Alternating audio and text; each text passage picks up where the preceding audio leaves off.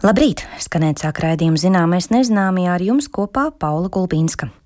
Kamēr Latvijā gatavojāmies gada nogales svētkiem, Dubajā norisinājās gada lielākā vides un klimata jautājumiem veltītā sanāksme pasaulē COP28. Ar klātienes iespējām šodien raidījumā dalīsies Pasaules dabas fonda pārstāvi, kad runāsim par klimata samita rezultātiem. Kāda ir praktiskā jēga no šādām starptautiskām sanākšanām un kādi lēmumi par atjaunīgiem resursiem un citiem klimata pārmaiņu jautājumiem risināti pasākumā, par to tad šodien raidījuma otrajā daļā. Bet līdz tam iepazīsim vērtīgos melnākšņu staignājus, par kuru izciršanu aizvadītajā gadā Latvijai draudēja tiesvedība ar Eiropas Savienību. Melnāksnis ir bieži sastopams koks, bet mitro vietu audzes. Melnākšņu staignāji ir mājvieta daudzām augu un dzīvnieku sugām, piemēram, mazākajam Latvijas puču dzimtes putnam apodziņam. Kāpēc šie staignāji ir saudzējami un ko interesanta var atrast melnākšņu mežos, par to manai kolēģei Zanē Lācei Baltalksnē stāsta dabas aizsardzības pārvaldes mežu biotopu eksperte Sandra Kauniec. Pagājušā gada pavasarī sabiedrība plašāk uzzināja par to, ka Eiropas komisija draud Latviju iesūdzēt Eiropas Savienības tiesā, lai sodītu par melnākšņa staignāju neaizsargāšanu. Viens no tādiem bija izcirsts netālu no Stīpnieku ciema Olainas novadā 2021. gadā. Par to vēstīja kolēģi raidījumā atklātie faili. Melnākšņu staignāji ir Eiropas Savienības aizsargājamo biotopu sarakstā, un tāpēc turpmākajās minūtēs uzzināsim, kāpēc tie ir tik vērtīgi.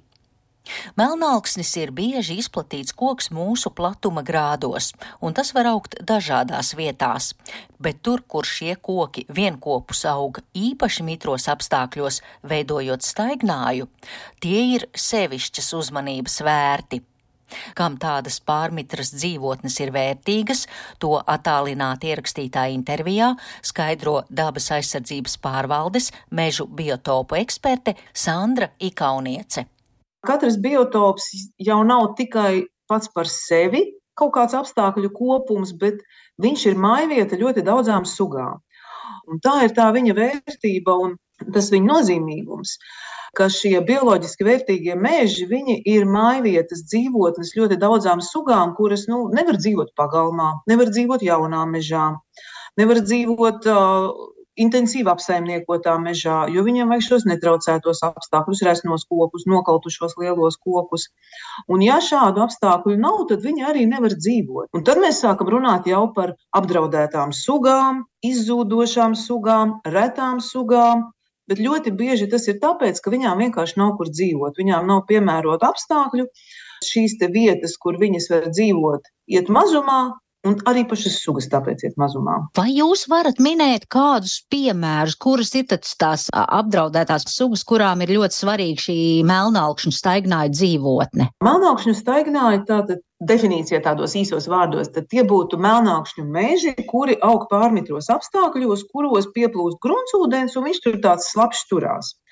Un tie melnākšņi ļoti bieži aug uz ciņiem, Un tur tātad mums ir cinis, mums ir slapjas ieplakas, kas varbūt vasarā izskatās pilnīgi melna zeme, tur put un tur nekas neaug.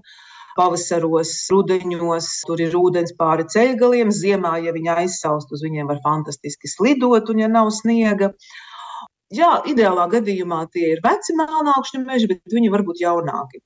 Un šie apstākļi, tātad tur ir mitrums, Ļoti bieži tātad viņi ir ieplakās, kur arī vējš pārāk nepūš, kur lēnāk garā tie koki, kas ir nokautuši, ja viņi nokrīt, tad viņi ir mitros apstākļos un viņi tur lēnām sadalās. Stēnes tur nav tik ātras, viņas nevar tik ātri viņus sadalīt. Un parasti ar šiem mežiem ir saistītas un no viņu esamības atkarīgas retas sūnu un ķērpju sugas, īpaši sūnas.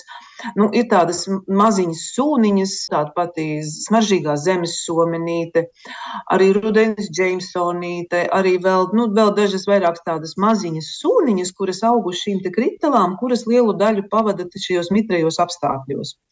Smaržīgā zemes somenīte vispār tāda ļoti interesanta, gaiši salāta zaļa, un viņu ejot, tu skaties uz to nokritušo melnāks, un tu redzi, ah, plankumiņš. Un uzreiz ir jāpaskatās tuvāk. Viņa ir tāds mazas izrobotas lapiņas, un ja viņa paberzē, tad viņa oža drusciņ pēc terpentīna. Nu, vai pēc burkānu lakstiem tāda īpatnēja smarža ir. Visi nejūt šo smaržu. Bet es zinu, ka man ir dažas kolēģis, kuras ieejot jau tādā melnākšķu mežā, viņi jau viņa pasmažo gaisu, viņi saka, te ir jābūt zemes sominītei un dodas viņu meklēt. Jo viņi jau sauž, ka te ir, ir tas smalkais aromātiņš, ka kaut kur ir tā sūniņa. Un šīs mazās sūniņas, viņām redz, ir tik ļoti specifiskas šīs prasības pret dzīvi. It kā jau nekas daudz. Viņām vajag melnākšņu kritālu, kur ir nokritusi un stāv tur varbūt 20 gadus tajā mitrumā. Nu, neko daudz viņām nevajag. Bet, ja tādas nav, un nedod Dievs, kaut kas notiek ar šo mežu, kas zina, kur ir nākošais pleķītis, Zemes somenīte jau nevar sakrāmēt savu iedzīvu pauniņā un doties pāri kaut kādiem smilšu laukumiem un ceļiem meklēt nākošo kritālu. Viņa var tikt tikai tik tālu, cik viņas sporiņas var aizlidot. Tāpēc viņai ļoti atkarīga tieši no šīs vietas, lai šajā vietā būtu viņai piemēroti apstākļi.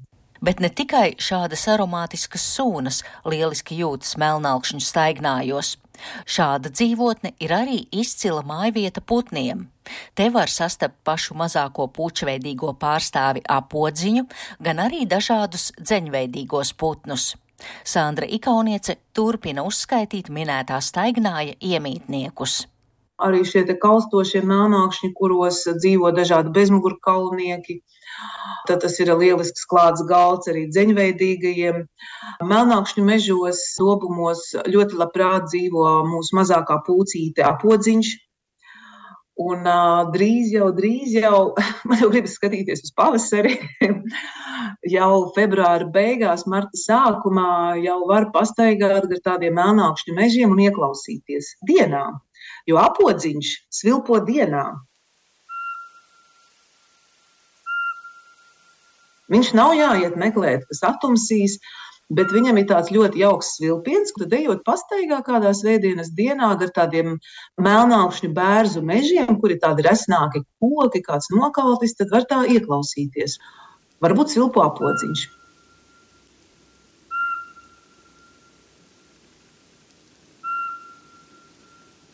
Var mēģināt uzsvilpot kā podziņš. Un tad, ja viņš būs tūmā, viņš sadzirdēs, un viņš gribēs skriet, skatīties, kurš te ir ienācis viņa teritorijā. Tā ka viņi var tā ļoti labi paprovocēt un pārbaudīt, vai viņš te nav gadījumā. Tā, tās nav tikai sūnas, tie nav tikai ķērpji, kas arī ir, ir specifiski ķērpji tieši melnākšņu mežiem, bet tas ir tāds ļoti liels, ļoti bagātīgs dažādu iedzīvotāju komplekss un tāda komūna, kurai šis mežs ir vajadzīgs. Vai tā arī ir, ka atrada informāciju, ka melnāksnes, lai arī bieži izplatīts, aizņem tikai 3% no Latvijas mežiem? Jā, šī statistika parāda to, cik lielā nu, daļā melnāksnes ir kā dominējošā suga. Tad, ja viņš ir tikai tādā pienistrojumā, viņš tur aug nedaudz, to mēs statistikā neieraudzīsim, tāpēc mums var likties, ka viņš ir sastopams biežāk, bet statistiski tiek uzrādīts tikai tāds tīraudzis. Tāpēc tādas tīraudzes ir daudz mazākā apjomā. Un um, ir vēl tāda Nu, ķezeja varētu teikt, kāpēc mums ir šis jautājums par melnākšņu nepietiekošu aizsardzību. 20. gadsimta vidū, kad Latvijā notika ļoti plaša vienlaidus nosusināšana, ļoti daudz meži tika nosusināti un nosusinājos lapjos. Tātad purvainos mežus un melnākšņu mežus. Šajos nosusinātajos melnākšņu mežos tā sāk augt intensīvi eglis, bērzi. Un no šiem tādiem vecajiem melnākšņu mežiem, kas varbūt pirms simts gadiem bija slapji, pilnīgi tikai tīri melnākšņu meži, šodien jau tie ir tādi nosusinātām kūdras augsnēm augošas, tādas mistrotas, egļu, bērzu, melnākšņu audzes, kurās nekas vairs nav palicis no tām slapjajām ieplakām. Zemes somenīte tur nekādīgi nevar vairs izdzīvot un līdzīgas sugas ļoti bagātīgs lakstu stāvs, tur ļoti bagātīgi dažādi gan graudzāles augi, gan citas augu sugas, ļoti bagātīgi zemse, dzāvenes, nātris. Un tas vairs nav tas melnākšņu mežs. Šis jau ir tāds cilvēku ietekmēts, pārveidots, un šī ietekme un pārveidošana ir notikusi jau ilgāku laiku, un mežs ir ļoti mainījies. Ja mēs gribētu saglabāt, jebkurā vietā ņemt un sastādīt melnākšņu jaunaudzi, pirmkārt mēs zinām, cik ilgu laiku paiet, kamēr koks izaug. Un es saprotu, runa ir par melnākšņu kritalām, tātad veciem kokiem, un arī jau tā vieta, kur stādīt, tur ir jāatrod šie pārmitra augsti. Jā, vissvarīgākais ir tieši šie apstākļi. Tieši šis mitrums, kad nav izmainīts šis hidroloģiskais režīms, ir pieplūšis šis gruntsūdens, kad viņš ir tūmā, tur turās šie pazemes ūdeņi. Jo melnākšņu staignāji, kā Eiropas nozīmes aizsargājums biotops, viņi varbūt arī samērā jauni. Tieši šīs kritālas un, un vecie koki, tā ir tā labākā daļa, tie tie labākie, tie vērtīgākie biotopi. Bet uh, viņš kā nu, tāds arī ierēģiņu valodā runājot, izpildīt minimālos kvalitātes kritērijus, tā aizsargājums biotops, viņš var arī jaunākā vecumā, kad viņam jau ir parādījušās, viņš varbūt ir tikai nu, 50 gadus veci koki, varbūt nu, 40, varbūt vēl nē, bet nu, 50 gadus vecs melnākšņu mežs, kurā jau sāk parādīties tādas dabiska meža iezīmes nu, tad jau viņš sasniedz šos minimālos kritērijus. Viņa kvalitāte, kā aizsargājumam biotopam, bieži tiks vērtēta kā zema, jo tur trūks šo tādu lielu dimensiju struktūru. Bet, nu, jā, minimālās prasības ir, jo viens no svarīgākajiem nosacījumiem ir hidroloģiskie apstākļi kad ir šis mitrums, kad ir aug melnākšņi, tikpat labi arī varbūt melnākšņi bērzi, viņi ļoti līdzīgi ekoloģiski. Un uh, uz ciņiem aug, nu, kad mēs ieiesim, redzēsim, mēs ļoti bieži redzēsim purvpapardi šajos mežos. Purvpapardi bija pagājušajā gadā gada augs, tad cilvēki ļoti arī iepazina un ieejot uh, tādā arī varbūt uh, slapjā melnākšņu mežā, ja jūs ieraugat purvpapardi, un tad tur vēl visādas tādas zāles, grīšļus, varētu būt diezgan liels aizdoms, ka jā, šis jau varētu būt tāds melnākšņu staignājs. Bet purpapārdes un grīšļi tas tāda ļoti laba pazīme jau kā to ieraudzīt. Un ciņi, kad melnākšņi aug uz ciņiem. Es jau sākumā minēju, pagājušā gada pavasarī sabiedrība varēja izlasīt par to, jā, ka mēs nepietiekam tās savus melnākšņus staignājus aizsargājam, un pērnā gada rudenī tika paziņots, ka tik Latvijā tiks izveidoti 74 jauni dabas liegumi. Vai arī tur ietilps šie melnākšņu staignāji un cik ļoti tas palīdzēs aizsargāt šo biotopu? Jā, jo jauno teritoriju veidošana ir uzsākusies, un jau daļa teritoriju jau ir izveidotas un apstiprinātas ar ministru kabineta noteikumiem. Protams, sākotnēji bija fokus uz tieši uz melnākšņu teritorijām, tās tika primāri atlasītas. Un uh, daudz teritorijas ietver un arī ietver šos melnākšņu staigājumu mežus, bet, protams, tur būs arī ietverti citi meža biotopi. Jo nu, tādas lielas platības tikai melnākšņu mežiem mums diemžēl nav. Viņi ļoti bieži ir sadrumstaloti, nelielas platības. Un pat uh, varbūt teritorijas, kuras pirmās uzmetienā skatoties, liekas, nu jā, nu tur ir melnākšņu meži. Un paskatoties tuvāk, tie nosusinātie, viņi ir ietekmēti, viņi ir degradēti, viņi vairs nav tas. Un melnākšņu mežs, ja viņš ir bijis vienreiz nosusināts, viņu ir nu, praktiski neiespējami atjaunot pat uzbūvējot tur dambjus un atjaunojot mitruma režīmu, šīs izmaiņas augsnē ir notikušas tik dziļi, tik strauji augsnē, tik ļoti mainījusies. Nu, īsti tādi labi piemēri nav zināmi. Ir bijuši eksperimenti, tur strauji aug eglis, ir bijuši mēģinājumi, nu, varbūt izcirst tās eglis, lai tik strauji neiztvaiko tas mitrums no augsnes, jo eglis ļoti iztvaiko un šo mitrumu nosūc. Bet īsti tādi labi piemēri nav zināmi, un um, ekoloģijas pētnieki drīzāk liecas domāt, ka ja melnākšņu staignājs ir bijis kārtīgi sabojāts, es uzsveru. Un tur nav vairs nekas palicis no šī vecā, senā dabiskā mitruma, ka tas ir praktiski neatgriezeniski. Tātad tas, kas no cilvēka skatu punkta varbūt nešķiet pievilcīgs pastaigām, ir ārkārtīgi vērtīgs daudzām retām floras un faunas sugām. Ar melnākšņu staignājiem mūs iepazīstināja dabas aizsardzības pārvaldes mežu biotopu eksperte Sandra Ikauniece. Katrs nākamais gads kļūst par karstāko gadu vēsturē, bet valstu vadītājiem aizvien karstākas diskusijas par to, ko iesākt ar neizbēgamo klimata pārmaiņu radīto krīzi. Kāda ir aizvadītā gada klimata samita rezultāti un par ko diskutēja zinātnieki un politiķi Dubajā? Par to šodien runāsim ar maniem viesiem. Sveicu studijā Pasaules dabas fonda direktoru Jāni Rozīti. Sveiki! À, labdien! Šī paša fonda Baltijas jūras un saldūdens programmas vadītāja Maktu Jenkenu. Sveika! Labdien!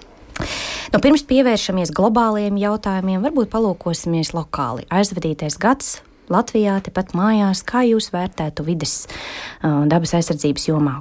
Kāds bija šis gads? Tas tāds uh, mirklis, uh, kad uh, pasaulē notiek diez, tiešām diezgan straujas šīs pārmaiņas. Gan fiziskas, domāju, no klimata pārmaiņām, gan arī šie, šīs diskusijas par to, ko un kā darīt. Un nosacīt tādu valsts kā Latvija arī ir spiesta reaģēt, bet, protams, ka tur ir nu, Nu, zināmā mērā valda hauss. Jo no vienas puses ir biznesi, uzņēmumi, ceļš tie, kas ir globāli uzņēmumi. Pašiem uzņēmumiem ir bieži kaut kāds nu, mērķi, tie paši klimata neutralitātes mērķi vai, vai emisiju samazinājuma mērķi. Un viņi vēlās saprast, kā iegūt Latvijā, ieguldot savas investīcijas, nodarboties ar ražošanu, kā tad darboties tālāk, kā iztīsies šis gads, trīs gadus priekš, desmit gadus priekš.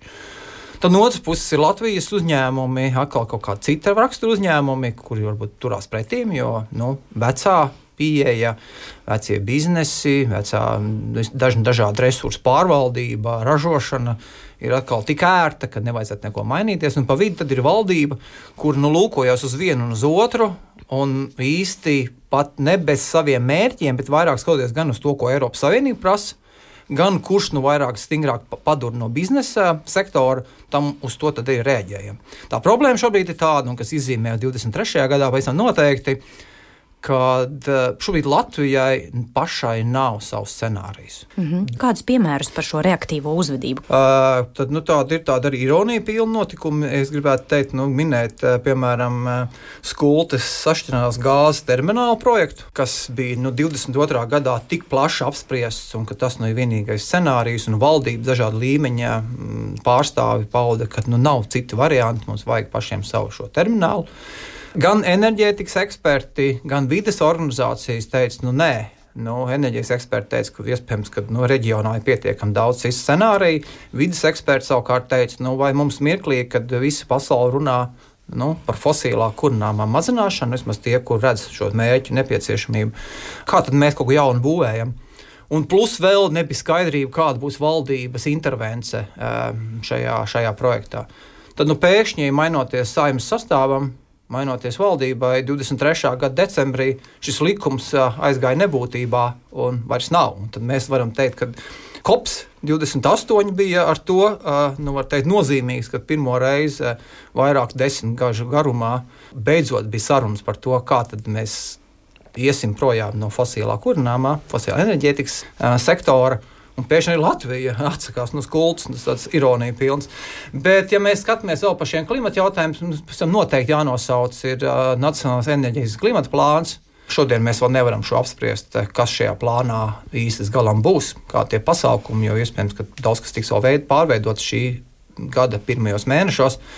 Bet nu, skaidrs ir tas, ka, ka tur ir daudz kā darām, un tas gal galā atkal ir es gribētu teikt, nu, vienlīdzības zīme šobrīd eh, pat valsts attīstības plānam. Daudz dažādu jautājumu, kas skar transportu, enerģētiku, zemes lietojumu, lauksaimniecību, atkritumu saimniecību, un šie jautājumi visi tiks, un, un iespējams arī kaut kur horizontāli nodokļu sistēmas. Uh, izglītības jautājumus un zinātniskos jautājumus. Tā kā, nu, tas tāds ļoti nozīmīgs eh, notikums 23. Eh, gadā, un mēs runājam par klimatu jautājumiem.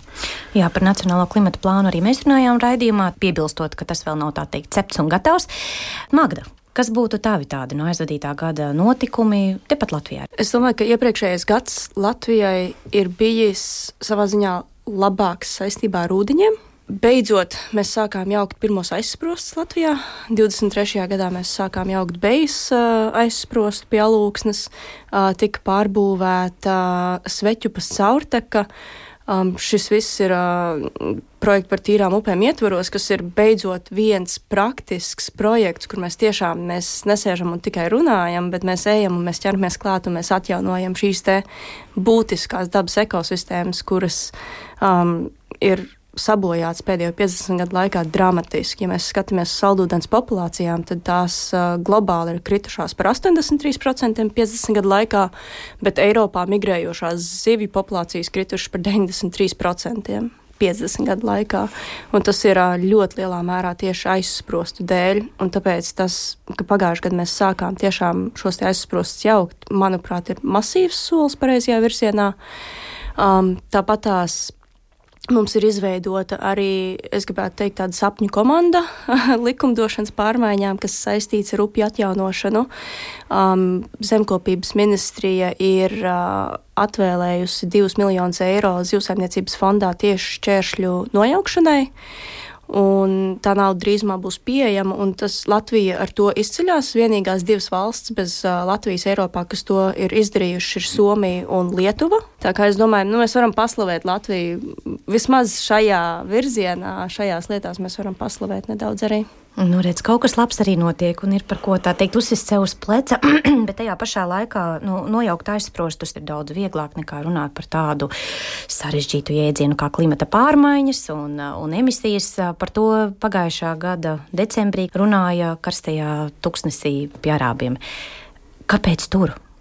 Pie naftas lielvalsts? Uh, nu, tas man liekas tāds uh, jautājums, ko katrs iespējams saredz savu atbildi.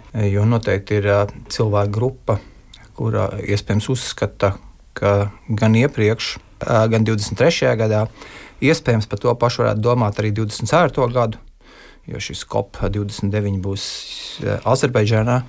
Savukārt uh, COP30 um, uh, būs Amazonas basēnā, Brazīlijā. Uh, un, līdz ar to nu, kāds var teikt, ka nu, redz, ir kaut kādi. Nu, kaut kādas interešu grupas, kas virza projām šīs sarunas uz tādām valstīm, kurām ir diezgan liels emisijas, kuras īstenībā nav daudz liela sasnieguma. Un, nu, redzam, kaut kā apzināti, nu, var teikt, vēl šīs sarunas. Nu, tāds varētu būt viens puses viedoklis, un tas šur arī izskan. No otras puses, nu, tā strateģiski lūkojoties, ja mēs skatāmies, kāds ir progress, tad mums jāsaka godīgi, ka progress ir nu, nu, tā korekti izsakoties ļoti lēns. Uh, un, uh, līdz ar to ir jāmeklē dažādi risinājumi, kādā veidā sarunāties savā starpā, kā vienoties par dažādiem nērtiem jautājumiem. Un iespējams, ka var arī lūkoties uz pozitīvo taktiku, nevis veidot šīs sarunas valstīs un vietās, kur viss ļoti veiksmīgi jau risinās, nu, relatīvi veiksmīgi. Tad iespējams ejam tur, kur iet lēnāk, vai kur ir dažādas nu, kontroversālas pieejas un, un, un, un viedokļi un, un, un mēģinam tur nest mm, gan lokāli valdībā, gan lokāli sabiedrībā šos signālus par šādu pasākumu. Līdz ar to nu, šis ir dažādi vērtējums, kāpēc tieši ir notiek vietā, kur ir nu, turpat blakus ir reģioni, kur ir nu, top uh, emisijas uh, šobrīd pasaulē. Klausītājiem atgādinot par Parīzes nolīgumu. Pavisam īsi, kas bija galvenie rezultāti un kas ir tas atskaites punkts, ko mēs katru gadu no jauna pēc Parīzes uh, tikšanās, pēc Parīzes vienošanās atskatāmies? Nu, pavisam vienkārši un īsi, kas man liekas, klausītājiem būtu jāpaturprātā. Uh, kad mēs nevaram aizvirzīties eh, klimata mm, pārmaiņu sasilšanas procesā virs šiem 1,5 grādiem. Nu, tas ir tas vienkāršākais. Ar ideju, ka iespējams mēs varam aiziet līdz 2 grādiem. Eh, bet jau ar tādiem jau ar sarkanīgiem signāliem no, no zinātnes, kad uh, grūti ir jau modelēt ekosistēmu ietekmes uh, un drošību, es gribētu teikt, cilvēkam kā tādam cilvēku pastāvēšanai. Un, um, nu, protams, ir dažādas uh, teorijas un plašas diskusijas arī nu, pat jau vien vairāk arī opozīcija klimata pārmaiņu jautājumiem kad iespējams tie nu, nepārprotami ir abiotiski faktori un tā antropogēnā ietekme ir uh, nu, uh, nu, ļoti minimāla vai nekāda. Un tur ir um, gan šis tvaika jautājums, ūdens tvaika jautājums, vulkāna ietekmes, nu, vēl daži dažādi procesi citi. Bet nu, šobrīd mēs klimatologi lūkojoties uz ātrumu, kā tas notiek šobrīd šī, šī, šī, šīs pārmaiņas. Un mēs runājam šobrīd par simts plus 150 gadiem, 170 gadiem. Mēs nerunājam ne par 500 gadiem, mēs nerunājam ne par 2000, ne par 5000. Mēs runājam par ārkārtīgi īsu posmu un ārkārtīgi straujām izmaiņām. Un tas ir tas, kas, ko šobrīd nu, tā citādi domājušā zinātnē nespēja atbildēt. Kāpēc? tad notiek tas tik strauji. Ja mēs runājam, jo klimats vienmēr ir mainījies, bet šobrīd tas izmaiņas ļoti strauji, kas nosacīti dod milzīgas atsitiens arī uz bioloģisko daudzveidību, jo sugas loģiski nav pielāgojušās evolūcijas procesā tik ļoti straujām izmaiņām. Un tas ir tas, eh, kas nepārtraukti šobrīd eh, tiek runāts. Un Parīzes nolīgums nosprauda šos 1,5 grādus zinātnes pamatot zinātnē. Šobrīd jau zinātnē jau met laukā šos signālus. Ja mēs tā ļoti īstermiņā skatāmies, tad iespējams, ka mēs esam virs 1,4 grādiem, nu jau pēdējie dati parādās. Tur, protams, var apšaubīt to, jo par klimatu pārmaiņām un par um, tiem trendiem mēs varam runāt par gadu, bet, nu, lai mēs spriestu ja par kaut kādām izmaiņām, mums jārunā par garāku periodu. Un tas ir tas, kas nerad sabiedrībā rada tādas nu, diskusijas. Arī šobrīd laukā ir ziema. Un tad var kāds teikt, par kādām klimata pārmaiņām mēs runājam. Mēs nerunājam par uh, šodienu, ne par vakardienu, mēs nerunājam par nedēļu vai par mēnesi, mēs nerunājam par 23. un 24. gadu ziemu. Mēs runājam par uh, periodu, garāku. Un arī šīs temperatūras ir jāpieņem uz vairākām desmitgadēm, par ko mēs spriežam, nevis par vienu kaut kādu gadu notikumiem. Nu jā, laikapstākļi un klimats nav sinonīmi. Samita dienas kārtībai un rezultātiem vēl pievērsīsimies Magdai jautāšu. Es saprotu, ka jūs bijāt tur uz vietas un, un, un redzējāt savām acīm, kā tas viss notiek. 200 valstis aptuveni tika uzņemtas. Kā vietējie reaģēja uz to? Nu, jā, tagad nāk uh, Eiropa, nāk Amerika šeit mums te tuksnesī naftas lielvalstī stāstīt, kā dzīvot. Kā vietējie to uztver? Vietējie ir interesants jēdziens Dubajā. Um, apvienotajos Arābu Emirātos vietējie iedzīvotāji ir apmēram 12%, vispārējie ir iebraucēji. Un ņemot vērā, ka tā ir monarhija, tur, kā saka, tā ir. Vietējie to akceptē, um, vietējie, es domāju, cilvēki, kas tur dzīvo, um, jo viņi ir izvēlējušies tur būt viņi var pa, gan paši izvēlēties tur nebūt, gan arī valsts var pateikt, ka viņi tur var nebūt, ja viņiem nepatīk noteikumi. Un līdz ar to vietējiem tika uztaisīts diezgan daudz izklaides un ēdināšanas vietas un lietas, ko apskatīt kopā. Līdz ar to apmeklējums bija ļoti liels. Pa šīm divām nedēļām tur kopā apmeklēja vairāk kā 400 tūkstoši iedzīvotāji, kas vienkārši atbrauc apskatīties, atbrauc paklausīties diskusijas. Un tas ir bijis viens no visvairāk apmeklētākajiem kopiem līdz, nu, līdz šim. Un viņi arī tiešām mēģināja atvērt durvis sabiedrībai un mēģināja popularizēt to, lai cilvēki tiešām tur dotos un klausītos un uzzinātu vairāk. Jo gan Dubai, gan apvienotie Arābu Emirāti tiešām ir pašā ilgspējas sākumā. Es pat tur arī esmu dzīvojis un uh, bijusi tajā ekosistēmā, un, protams, patēriņš ir ļoti liels. Salīdzinot to, kā tur bija desmit gadus atpakaļ, kad tiešām vārds ilgspēja neviens nebija dzirdējis, tad tagad tas jau sāk tikt izmantots vismaz. Um, bet, protams, viņiem vēl ir ļoti tāls ceļš ejams. Kas ir tās labās ziņas, es domāju, ir tas, ka ņemot vērā, ka tā ir monarhija, kā izlems tā būs, tad viņiem ir visas iespējas ļoti strauji um, aiziet uz priekšu ilgspējā, jo arī pašā Dubijā nafta nav. Uh, nafta ir Abu Dabī, kas ir cits emirāts, un um, arī kops ir vairāk saistīts tieši ar Arābu Emirātiem nekā ar pašu pilsētu Dubai. Un viņi attīsta savu ekonomisko modeli tā, lai viņi varētu iet prom no naftas. Um, es domāju, ja mēs skatāmies uz valstīm reģionā, tad viņi ir viena no ilgs spējīgāk domājošiem tādā ziņā, ka viņi saprot, ka viņi nevar paļauties uz naftu ilgtermiņā. Rezultāti. Nu... Sāksim varbūt ar pašu pirmo fosilie kurināmie. Līdz šim visas apņemšanās parasti kopos ir bijušas diezgan tādas remdenes, ja varētu teikt. Kā bija šogad? Es arī nākot šo raidījumu vēl pārlasīju, ko raksta dažādu pasaules valstu mēdīju apskatnieki un eksperti par COP28. Un arī tur nepārtraukti tiek, tiek teikts, ka mēs jau varam no nu, jebko izvirzīt uh, un noteikt mērķus, bet veiksme būs īstenošanā. Un, un, un pie tam vēl nu, katra atkal valsts viena uz otru lūkosies. Nu, ja es kaut ko darīšu, vai arī tu darīsi. Un tas ir tas klimata jautājums ļoti būtisks, tā kolektīvā rīcība. Un tā skatīšanās par plecu ir nepārtraukti. Līdz ar to arī tie visi iepriekšējie lēmumi, tur ir par meža ciršanu bijuši, tur ir par metānu ir bijuši, tur ir kaut kas par oglēm bijis. Nu, Katru reizi tās deklarācijas nāk laukā.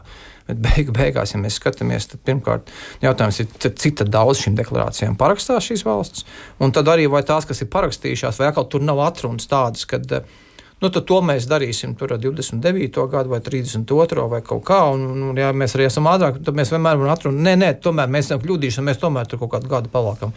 Nu, tas ir visu laiku.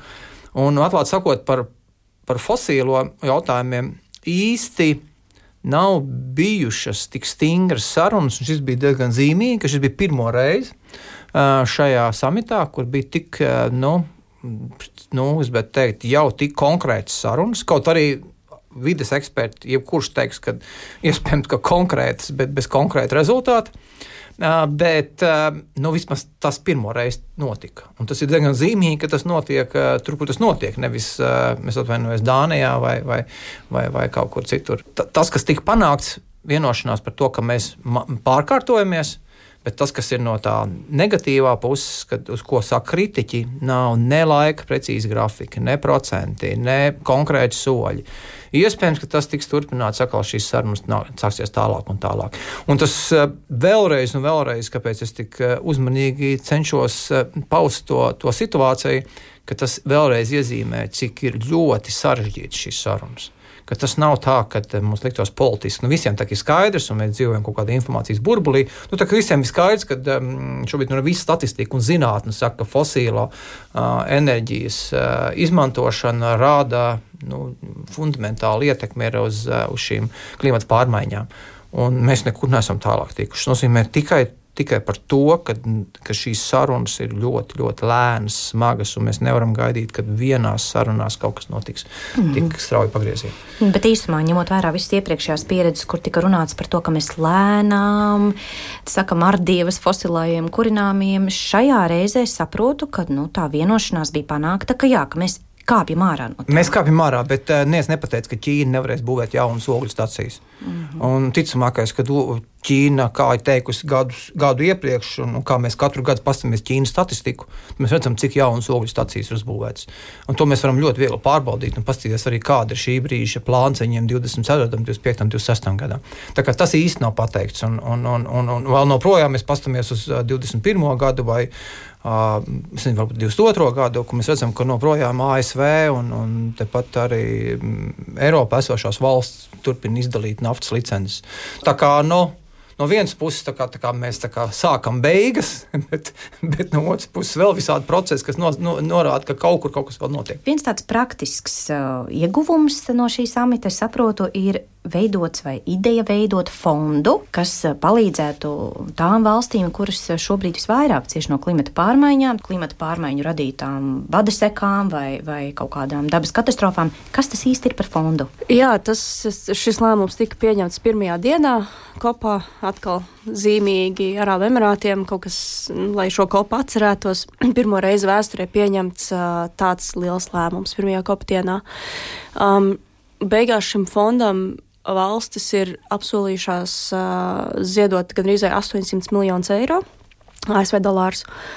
Um, un principā šis fonds tiešām, kā teicu, finansēs valstis un cilvēkus, kuri cietīs visvairāk no klimata pārmaiņām, visciešākajā veidā. Bet uh, mēs uz to skatāmies daļēji jau kā tādu, šādu fondu vajadzēja. Un Pasaules dabas fonds saka, ka šis ir obligāti jāizveido, bet, nu, ja mēs paskatāmies nedaudz dziļāk, tad klimata pārmaiņām ir pielāgošanās mehānismi, ir mazināšanas mehānismi, un tad, kad mēs izgāžamies tajos, tad mēs maksājam cilvēkiem naudu par to, ka viņi ir zaudējuši savu bērnu, vai viņi ir zaudējuši visu savu māju, visu savu ražu klimata pārmaiņu dēļ. Tad šis ir tas fonds.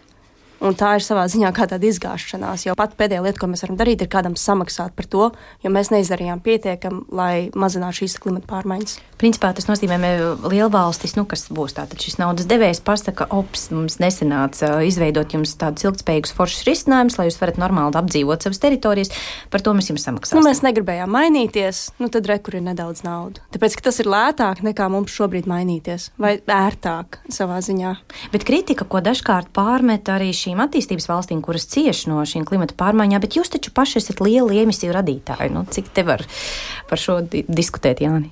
Protams, ka tas tā ir, bet uh, jautājums no vienas puses - attīstītās valstis tiešām ir liels emisiju radītājs.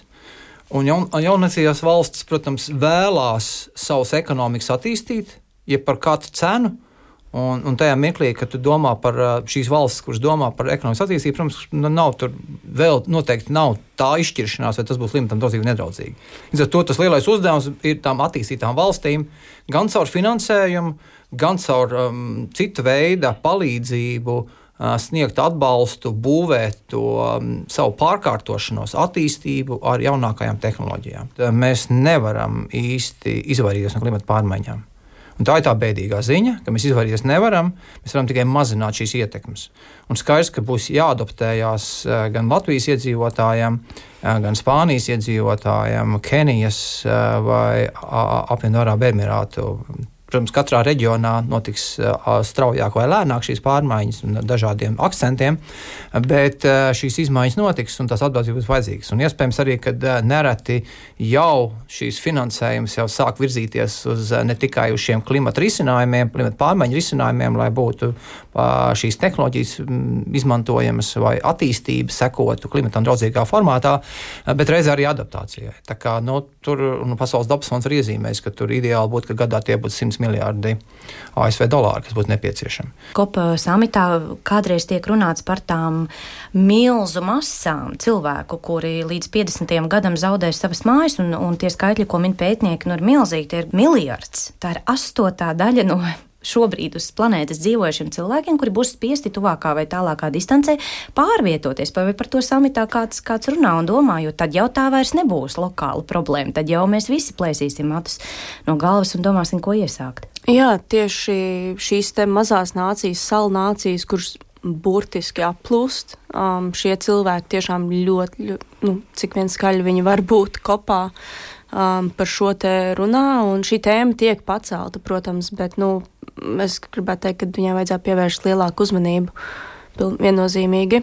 Tie skaitļi, bet konkrēti fakti um, pieminēja vien, eh, vairāk kā miljardus. Tas, protams, ir kaut kāda datu avoti. Pasaules banka, es nemaldos, eh, prognozē mazāku, bet vienalga tie ir 300 miljoni. Tas nozīmē, ka mēs varam runāt par kaut ko starp eh, dažiem simtiem miljonu līdz pat, es esmu dzirdējis, 1,2 miljardi šie klimata bēgļi.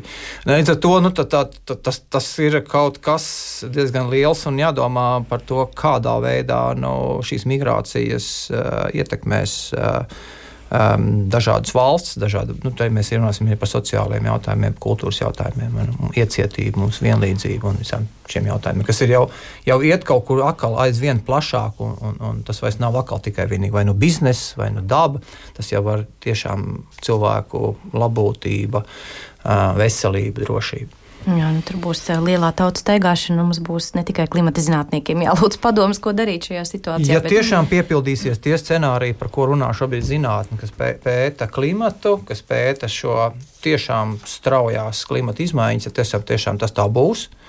Tad tie scenāriji šobrīd tādi tiešām iezīmē. Kas vēl bija samita dienas kārtībā? Par fondu parunājām, runājām arī par fosilējiem kurināmiem. Kas vēl cits bija, nu, tā teikt, uz, uz diskusiju galda, kā karsts kartupelis jāviļā? Um, vienlīdzība bija viena lieta, arī, ko mēs tikko runājam, varbūt kāpēc netiek uh, pietiekami runāts par šo bēgļu migrāciju, ir kops nav pieejams uh, plašai sabiedrības daļai. Uz to ir grūti nokļūt, to ir dārgi nokļūt, un uh, šis kops arī mēģināja izcelties ar to, ka bija, tas bija iekļaujošāks. Apvienotie Arābu Emirāti apmaksāja simts jauniešiem no pasaules uh, dalību ceļu, visu, lai viņi varētu būt klātsoši kopā un paust savu balsi. Uh, Um, ar to tas nedaudz izcēlās, ka tiešām bija vairāk vietēji iedzīvotāji no dažādām pasaules valstīm un jaunieši. Un finanses, finanses, finanses, finanses bija ļoti lielā mērā um, diskusijas temats šajā kopā. Tāpat tās sāk runāt par uh, islāmas finanšu mobilizāciju jo šarijā viņiem ir pavisam cits finanšu likums, un uh, musulmaņiem ir arī noteikts, ka viņiem, piemēram, 2% no ienākumiem ir jāziedo. Ne jau dabai vai klimatam, bet ir jāziedo. Kam arī daudzi, nu, es gribētu teikt, tiešām lielākā daļa seko. Um, un tad sāka, di, sākās diskusijas par to, kā varētu mobilizēt potenciāli šo ļoti lielo naudas summu. Uh, Un tur tika izveidots jauns fonds, piemēram, Altera fonds, ko uzsāka apvienotie Arābu Emirāti, kurā viņi paši ielika 30 miljardus um, ASV dolāru un skatīsies, kā mobilizēt tieši šīs te islāmas finanses. Tā teikt, un mums ir uh, tiešām cerība, ka caur šejien mēs varbūt tās varam sasniegt šos uh, 100 miljardus gadā, kas ir nepieciešami, lai mēs sasniegtu Parīzes nolīguma mērķus. Mm nu, centība kā nu, ir tāda uzkrītoša no arābu puses. Es tagad tā straujiem soļiem pārliekšu šogad. Šī gada valsts, kur šogad tiks uzņemts kop, nav tik labiem resursiem nodrošināta kā um, arābu pussala. Šogad būs Azerbaidžāna, Baku pareizi. Jā, jā. Ko mēs gaidām šogad? Es, es prognozēju, ka aizvien vairāk būs diskusijas un būs jautājumi tie, tie paši par naudu, Tad fonds ir nodibināts, bet nu, nav jau īsti vēl tie makāni, kas daudz novirzīts, ir pirmie solījumi. Nākamais būs noteikti par šiem uh, nacionāliem devumiem virzībā uz tādu nu, pozitīvu, uh, teikt, klimata pārmaiņu līkni. Un tas ir tāds, teikt, tas galvenais izšķirošais mirklis uz 25. gadā Brazīlijā, kur par to būs pēc tam noteikti jāziņo. Bet es domāju, ka tas ticamāk būs ļoti nozīmīgs jautājums jau 24. gada uh, kopa uh, šajā samitā. Uh, es pieņemu, kad vajadzētu būt tālāk tām diskusijām, kas aizsākās šajā gadā, proti, daudz tika runāts par lauksaimniecību ko nozīmē pārtiks ražošana, kā pārtiks ražošanas sistēmai jāpārveidojas, ko nozīmē vidē draudzīga lauksaimniecība. Tas atkal ir kaut kāda jau savstarpēja vienošanās un tālāk virzība. COP28. 23. gadā iezīmē arī jaunas tādas um, sarunas priekšmetus, kur atkal bija liekas, akcentēta cilvēku veselība, kur atkal ļoti nozīmīgi. Tas atkal ekspertu diskusija, ko tas īsti nozīmē klimata pārmaiņas un, un veselība. Un laikam arī zīmīgi, mm, ja es nesamānos, nezinu, varbūt kā angliski cits apzīmējums, ka latviešu mēs varētu teikt, bija tāds tā kā ticības reliģiju samits, kur dažādi reliģiskie līderi tikās par to, kādā veidā iesaistīt um, dažādas uh, cilvēku grupas tieši caur reliģiju jautājumā par klimatu pārmaiņām. Mēs, mēs redzam, ka tā daudzšķautnainība pieaug. Un tiek meklēti visi risinājumi, lai aizvien vairāk un dažādāk spētu uzrunāt sabiedrību pasaulē. Un es domāju, ka šie paši jautājumi būs noteikti aktuāli šī gada Azerbaidžānas samitā. Un tas nākamais gads savukārt Brazīlijā noteikti būs jautājums par, noteikti neizslīdēs jautājumu par mežiem. Jo tur gan ir jau iepriekš bija vienošanās, ka šī meža ciršana samazināsies, un šī brīža Brazīlijas politika lepojās ka nu, beidzot, beidzot mēs esam kaut ko uzlabojuši un kaut ko mainījuši. Bet es domāju, ka Nu, mēs varam runāt par kaut, kādu, kaut kādiem sama, samazinājumiem, bet viss statistikas pasaulē šobrīd vēl joprojām uzrāda milzīgi liels uh, meža zudums, uh, kas atkal ir milzīgi liels, nu, nozīmīgs jautājums klimata pārmaiņu kontekstā un, protams, arī bioloģiskā daudzības kontekstā. Skatoties, cik lēni un grūti ir panākt šīs vienošanās un arī šos rezultātus, es saprotu, ka daudziem cilvēkiem var šķist, nu, kāda jēga no šādiem samitiem sabrauc gudras galvas spriež, bet rezultāts nu, ir kaut kāds likumisks ietvers kaut kāds pienākums, kas valstīm ir jāizpilda pēc šādiem samitiem, pēc šādām vienošanām. Ja tu paraksties pie deklarācijas, tad loģiski, ka ja tu esi parakstījies kopā ar, ar 40 citiem, tad, protams, tie 39 paskatīsies pa plecu, vai tu kaut ko dari vai nedari.